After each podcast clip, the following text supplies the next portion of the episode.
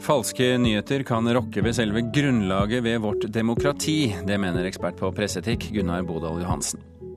Når filmen 'The Autopsy of Jane Doe' får norgespremiere til helgen, er det starten på tidenes norske Hollywood-år.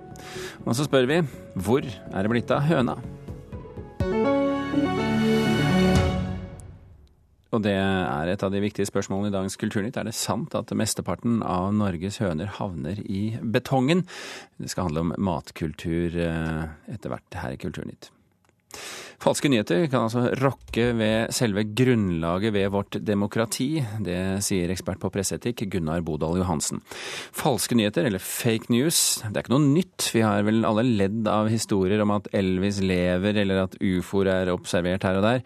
Men når falske nyheter blir kjernen i den politiske debatten, da er vi i problemer. Donald Trumps pressekonferanse i går er et eksempel på det, uansett på hvilken side av saken man står. Think it's a disgrace that information that was false and fake and never happened got released to the public. As far as BuzzFeed, which is a failing pile of garbage, writing it, I think they're going to suffer the consequences. They already are. And as far as CNN, going out of their way to build it up. Donald Trump gikk knallhardt ut mot BuzzFeed og CNN under sin pressekonferanse i går. Påstandene om at det finnes en video med sensitiv informasjon om ham, ble avvist som fake news eller falske nyheter. Og på Twitter omtalte han det som en politisk heksejakt. NRK er en av nyhetsorganisasjonene som har referert til denne saken.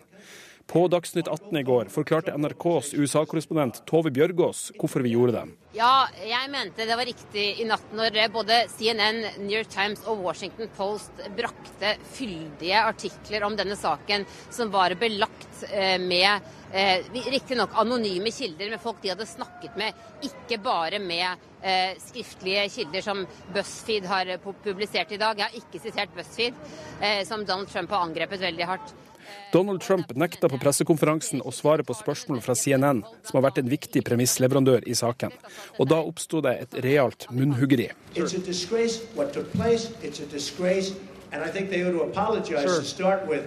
Michael Cohen. Sir, since you're attacking us, can you give us a question? Go since ahead. you're no, Mr. President-elect, Go Mr. President-elect, since you are attacking No, our news not you. Not can you. you give us a chance? Your organization you are attacking terrible. our news organization. Your organization Can you give us a chance Let's to go. ask a question, sir? Go ahead. Sir, can you Quiet. state? Can, CNN eh, i eh, hardcore med Donald Trump der. Eh, Gunnar, og, og det var Olvin Aune som hadde sydd dette sammen. Gunnar Bodal Johansen, ekspert på presseetikk, velkommen til Kulturnytt. Takk, takk. Hva tenkte du da du så pressekonferansen til Trump i går? Ja, nå så jeg også litt før. Jeg så da CNN gikk inn og sa at de hadde fått eh, denne rapporten. Og de begynte å forfølge den. Eh, Det var jo ganske aggressivt eh, mot, eh, mot eh, Donald Trump, som de jo for så vidt har eh, vært hele tiden. Eh, Så mm, man blir jo veldig eh, Som lytter eller et publikum så blir man jo veldig interessert i å vite om dette her faktisk stemmer, eller hva det måtte være. Eh, Og så kom jo da pressekonferansen i går, som jeg også så. Eh, og eh, Donald Trump, eh, i motsetning til veldig mange andre, han eh, går jo rett i trynet på journalister og vil jo ikke snakke med dem fordi han mener at de produserer falske nyheter. Eh, Det er klart at Problemet her er jo det at eh, falske nyheter oppstår et eller annet sted, så lever det i stor grad i sosiale medier, og så blir, kommer det på et eller annet tidspunkt dit at eh, mer seriøse eh, nyhetsorganisasjoner eh, BuzzFeed er nå én ting, men CNN er noe annet. Plukker det opp og begynner å lage reportasje på det. Da har man jo fått en, en utvikling eh, som er problematisk, hvis dette er falske nyheter. Eh, Hvorfor påstår du at dette er, eh, er eh, rokker ved liksom grunnlaget for vårt demokrati? Ja, Utgangspunktet for oss alle er jo det at eh, nyheter eh, er viktig for demokratiet. altså da verifiserte nyheter. Eh, journalister har jo faktisk den av de aller viktigste oppgavene med å sjekke og kontrollere ny, de nyhetene som de sender ut til publikum, for at publikum skal kunne forholde seg til det. Når vil jeg snakke om publikum, jeg vil i denne sammenheng snakke om velgerne eller borgerne som eh, forholde, skal forholde seg til det. og Det er jo grunnlaget for enhver demokratisk debatt.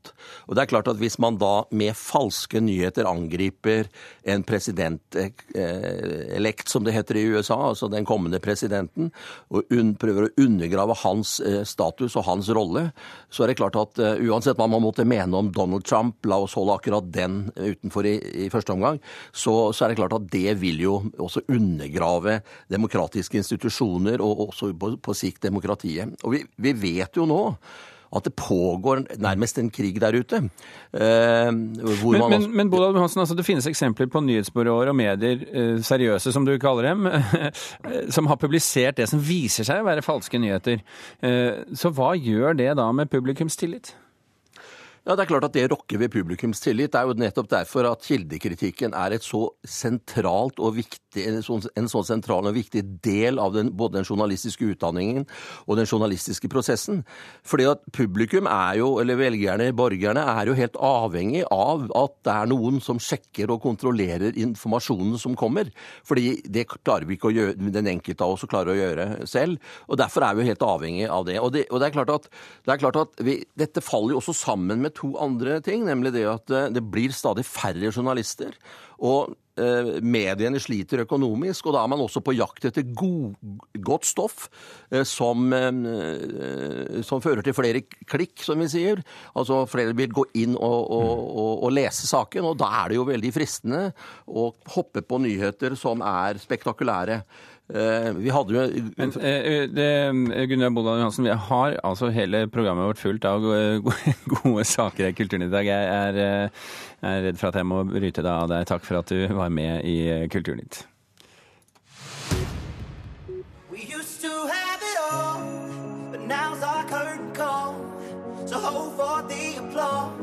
Oh, oh, oh, oh, wave out to the crowd. Bergensartisten Kygo har med en ny låt i storfilmen 'Fifty Shades Darker'. Låta heter 'Cruise', og i likhet med den første filmen var det forrige soundtracket en publikumssuksess, og ble det syvende mest solgte albumet i verden 2015. Eh, Oppfølgerfilmen og musikken slippes 10. februar.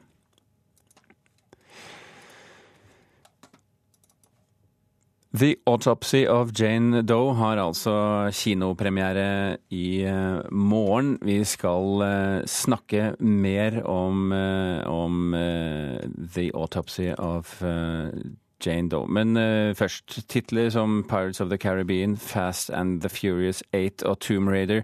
Det er duket for tidenes norske Hollywood-år. En rekke av våre mest erfarne skuespillere og regissører er involvert i noen av årets største amerikanske filmer. Samtidig satser en nykommer på å forlenge sin hjemmelagde grøsser. Skal du sende det bildet? Hvorfor har du ikke sletta det?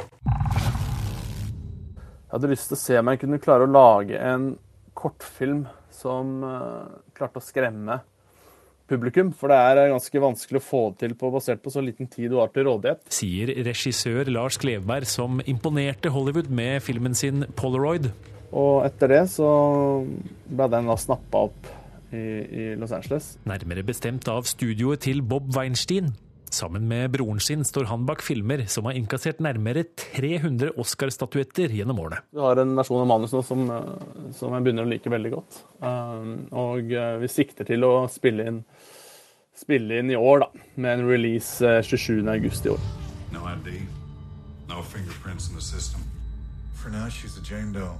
Mens Kleberg jobber på spreng, sparkes det norske Hollywood-året i gang allerede nå til helgen. Da får Trolljegerne regissør André Øvredals nye film 'The Autopsy of Jane Doe' norgespremiere. Og i kjølvannet hans er lista lang. Dagens Næringsliv oppsummerte nylig alle de norske Hollywood-prosjektene som er på gang. Jack Sparrow. Do you know this pirate? Only by name. Med Espen Sandberg og Joakim Rønning i registolen kommer den nye Pirates of the Caribbean-filmen på kino til sommeren, og Rønning skal nå utvikle et nytt sci-fi-prosjekt. Bølgen-regissør Roar Uthaug går i gang med Tomb Raider. Morten Tyldum skal regissere en ny thrillerserie, mens Tommy Wirkolas nye film er plukket opp av Netflix. Samtidig skal Aksel Hennie nok en gang ikle seg astronautdrakt i God Particle. Jakob Oftebro skal assistere Harry Hole i Snømannen, og Lisa Loven Kongsli spiller amazonen Menna Lippe i to av årets store superheltfilmer. Kort oppsummert, Hollywood-etterspørselen etter nordmenn er større enn noen gang. Ja, det er den helt sikkert. Fastslår Lene Sested, den danske agenten som det seneste tiåret har spesialisert seg på å sende skandinaver over dammen. Det blir med meget korte uh, mellomrom at de støter på Nå var det noe fra Skandinavien igjen. Um, og det har gjort at de simpelthen øh, De kan ikke komme utenom oss, kan man si. Sested representerer Kristoffer Hivju, som til sommeren gir bånn gass i den åttende Fast and the Furious-filmen. Samtidig forbereder han seg på slutten av Game of Thrones. Og mens hans HBO-suksess snart er over, har produsentene sagt at Ingrid Bolsø Berdal vil få en enda større rolle i andre sesong av Westworld. You aim to break into a prison and take out 20 men alone. Det var eh, Gjermund Jappé som hadde laget denne saken. Regissør André Øvredal, velkommen. Tusen takk. Opplever du det sånn at eh, det er interesse også for norske skandinaver i Hollywood nå? Ja, ja, absolutt. Altså det, men det har jo vært det en stund nå. Men det er veldig gøy å se at uh, så mange av de vi kjenner på en måte sjøl her i Norge, kommer fram så tydelig der borte. Men, men, bryr Hollywood seg egentlig om de er norske, svenske eller danske skandinaver, hvis de er på jakt etter det skandinaviske? Nei, det vet jeg ikke om de greier å separere de så tydelig som vi kanskje gjør.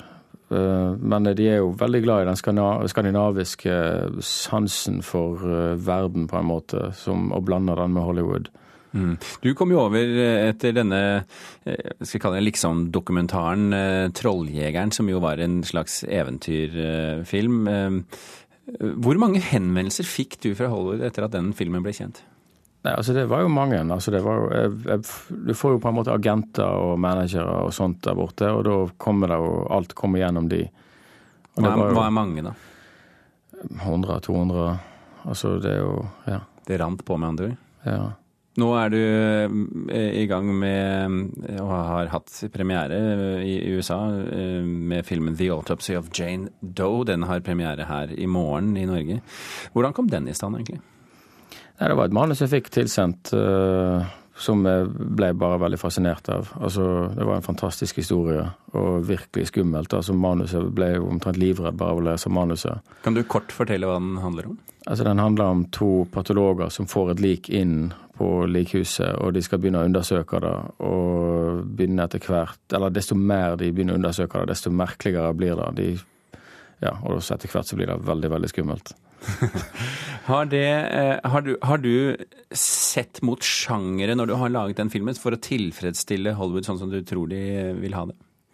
Nei, altså jeg har ikke gjort det egentlig. Altså, jeg har bare lagd den filmen som står på papiret, så best jeg kunne. Um, altså det er jo Jeg kjenner jo på en måte alle de klassiske grøsserne og har alltid vært veldig glad i grøssere sjøl, så det har vært veld, var veldig enkelt å hoppe inn i og gjøre det. Mm. Ikke se denne alene, skriver Stephen King på sin uh, Twitter-feed. Det er en grei hyllest å få. Ja, det var Jeg kom rett ut av en førpremiere, altså liksom kinopremieren sjøl i går kveld, og så plutselig den tweeten fra Stephen King som jeg fikk tilsendt av James Wan. ok. Så det var, ja. Føler du at du er en del av Hollywood nå? Altså, jeg bor jo i Norge. Men ja, jeg veit jo at det har en, en posisjon der borte som er veldig veldig gøy å, å ja, ha. Og du har et nytt prosjekt på gang? Ja. To ord? Den heter Torden, en norsk film, men òg med en del av de samme samarbeidspartnerne fra, fra Jane Doe. Um, og er en action-kjærlighetshistorie med overnaturlige element satt på Vestlandet. ok. Vi venter i spenning. André Øvredal, takk for at du kom til Kulturnytt. Vi går rett videre til selve anmeldelsen. Filmen 'Autopsy of Jane Doe' har altså kinopremiere i morgen. Og vår filmkritiker Birger Westmo er ganske enig med Stephen King. Det er en deilig, guffen skrekkthriller som skremmer effektivt, men på en morsom måte, syns han.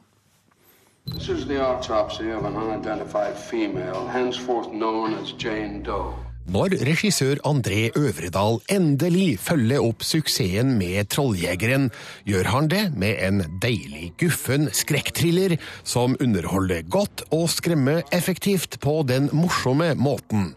The Autopsy of Jane Doe foregår på et avgrensa område, men innafor her rammene forteller Øvredal en fantasifull og handlingsmetta historie.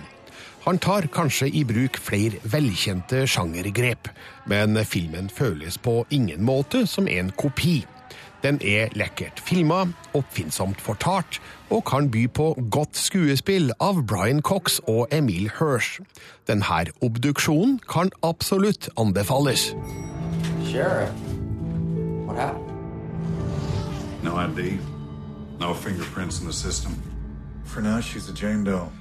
Tommy Tilden, spilt av Brian Cox, og sønnen Austin, spilt av Emil Hirsch, er privatpraktiserende patologer. En mørk og stormfull aften, sjølsagt, får dem inn liket av en ung kvinne, som de må finne dødsårsaken til innen neste morgen. De kaller hun Jane Doe, navnet som ofte gis til uidentifiserte kvinnelige lik i USA. Hun har ingen merker av noe slag på kroppen, men etter hvert som de to patologene bokstavelig talt skjærer seg stadig dypere inn i liket, finner de flere bisarre spor som de ikke helt får til å stemme. Subject is in her mid to late 20s. Hair brown. Eyes gray. Sjølsagt er det nok av grufulle virkemidler i denne filmen. Øvredal sparer ikke på kruttet med blodige, nærgående bilder av indre organer. Også stemninga rundt, med sviktende belysning, dunkle kjellerkorridorer og tordenskrall utafor, bidrar til å skape skrekkfryd. Ellers er samspillet mellom Cox og Hirsch veldig godt, og de tilfører historien tyngde og troverdighet, midt i alt det usannsynlige og fantasifulle som skjer. Hey, Dad. I think we should get out of here. The Autopsy of Jane Doe har en utvikling mot noe som ikke skal avsløres her, men marerittet blir stadig tettere. Skrekken tiltar i styrke. Mye er basert på velkjente sjangergrep, men de brukes godt og rutinert av André Øvredal, som har laga en tøff, liten sjangerfilm som er morsom å se på, som skremmer godt, og har et frekt og elegant avslutningsbilde som tvinger frem et glis. You don't want to see that. It's all right. Klokken har passert 20 minutter over åtte. Du hører på Kulturnytt, og dette er toppsaken i Nyhetsmorgen nå. På vestlandskysten herjer uværet Vidar. Det ventes ekstremt høy vannstand og høye bølger. Det kan komme krav om gjenopptakelse av flere saker dersom korrupsjonstiltalte Eirik Jensen blir domfelt. Det sier leder i forsvarsgruppen i Advokatforeningen, Marius Ditriksson. I går kveld var det premiere på Forbrukerinspektørenes serie om det skjulte matsvinnet i Norge. Forbrukerinspektørene her på NRK, altså. Før spiste vi høner, men nå har den delen av norsk matkultur forsvunnet fra frysedisken. I programmet i går tok hønebonde Runar Sørli med seg sju nyslaktede høner til kokkelinjen på den videregående skole i Moss, for å se om elevene der kunne hjelpe til å redde høna. Dagens uh, unge mennesker da, opplever å bare kjøtt i vakuumpakka i en pakning. Så de aner jo ikke at den her eller annet kjøtt har for noen dager siden hatt uh, pels og horn og gått rundt og sagt mye. Her inne på Kirkeparken videregående så venter altså 15 kokkeelever som ikke aner hva som er i den kassa der. De tror jeg blir litt overraska når de får se hva som er oppi der. Ja, det tror jeg òg.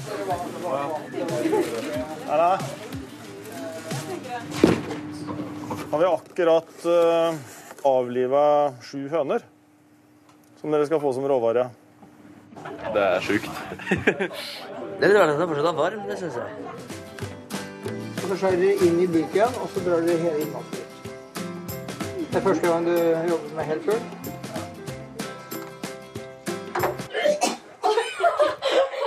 Ikke ta med lydene.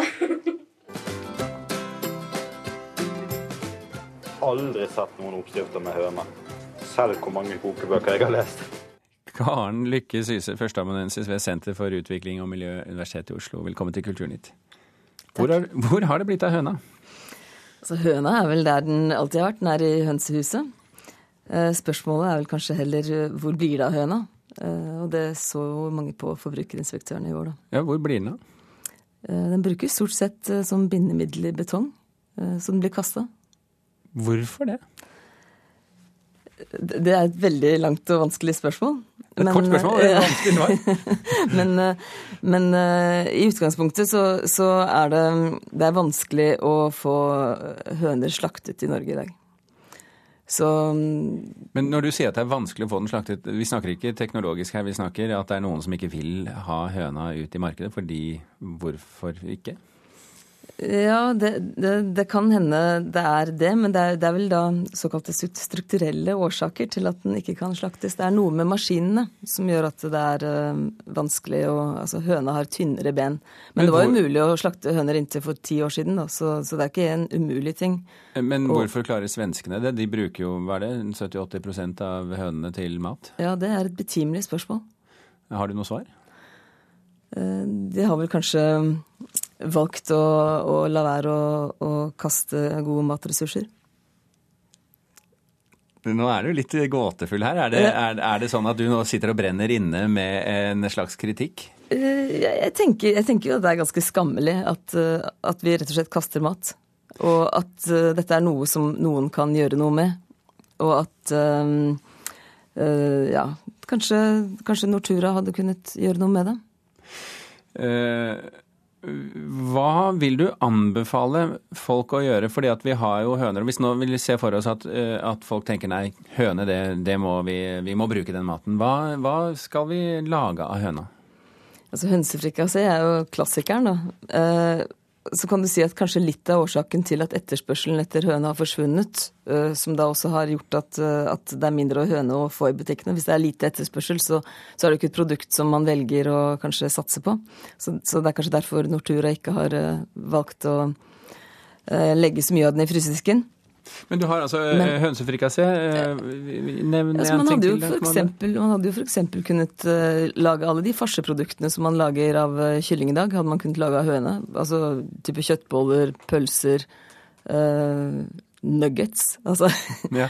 men, men betyr det da at det er forbrukerne som må opp og kreve høna tilbake? Jeg syns det er litt eh, urettferdig å skulle legge, legge, skylden på forbrukeren. For det er jo ikke sånn at det er forbrukernes etterspørsel som gjorde at sushi ble en slager i Norge. Det var ikke fordi at, eh, at Bygde-Norge sto og eh, trampet med beina og ønsket sushi i enhver liten krok. Altså, det, det er en, en tosidighet her. Det er både tilbud og etterspørsel. Og så lenge ikke du finner en, altså verken høne- eller hønseprodukter i butikken, så ja, så blir det ikke brukt noe av det. Karen eh, Lykke Syse ved Senter for utvikling og miljø, takk for at du kom til Kulturnytt. Vi startet denne sendingen med å snakke om eh, fake news. Eh, og så har vi fått i studio vår kunstkritiker Mona Palle Bjerke for å snakke om fake art. Og da må jeg stille spørsmålet til å begynne med, Mona. Er det en sammenheng? Ja, Det er kanskje en tynn sammenheng. Altså Christian Messel, som vi snakker om her, han har en utstilling på Galleri K som heter 'Fakes are in fashion'. Altså, og det, det, det er altså det, det, springer ut av at han har klippet ut av et moteblad et utsagn som er 'Fakes are never in fashion'. Altså han klippet ut 'never' og forvandlet dette utsagnet. Uh, og det er jo et statement fordi han selv er så opptatt av dette med spørsmål om ekthet. Hva betyr det at et kunstverk er ekte? Hva betyr det at det er originalt? Og hva betyr eh, det at det er en forfalskning? Og dette er jo noe han er opptatt av hele tiden. Han er jo en kunstner som er veldig kjent for å lage disse fantastiske, nitide, millimeterpresise tegningene med sånn pennesplitt og blekk, eh, hvor han baserer seg på grovpikslede fotografier. Og, eh, eh, og, han lager også kollasjer, og en fantastisk fascinerende eh, kollasj i den utstillingen med nye arbeider nå.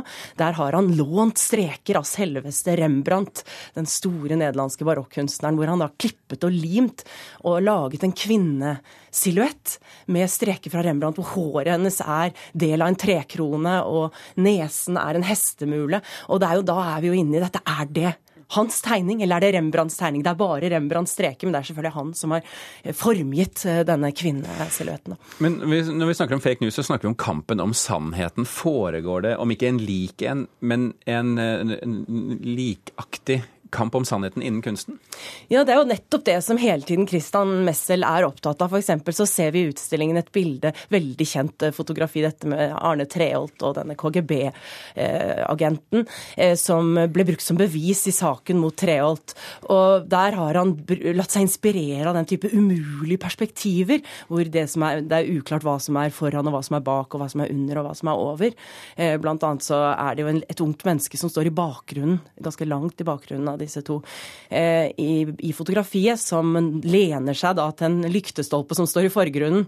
Og slik så manipulerer han dette bevisbildet og utfordrer forestillingen om eh, fotografiet som et virkelighetsglimt, som et sannhetsvitne. Eh, og bringer det fiktive inn i, i, fotografiet her, da. Galleri K frem til 12. februar, altså. Er dette noe du vil anbefale folk å gå på? Ja, det er det absolutt. Dette er en veldig viktig norsk kunstner, og et utrolig fascinerende kunstnerskap. Og jeg syns jo han har funnet sin form nå. Eh, hans teknikk har tatt stor plass. Nå har han liksom fått den under huden og mestrer den til det fulle. Som en danser som ikke lenger eh, trenger å telle sine dansetrinn, men som bare gir seg inn i musikken. ok.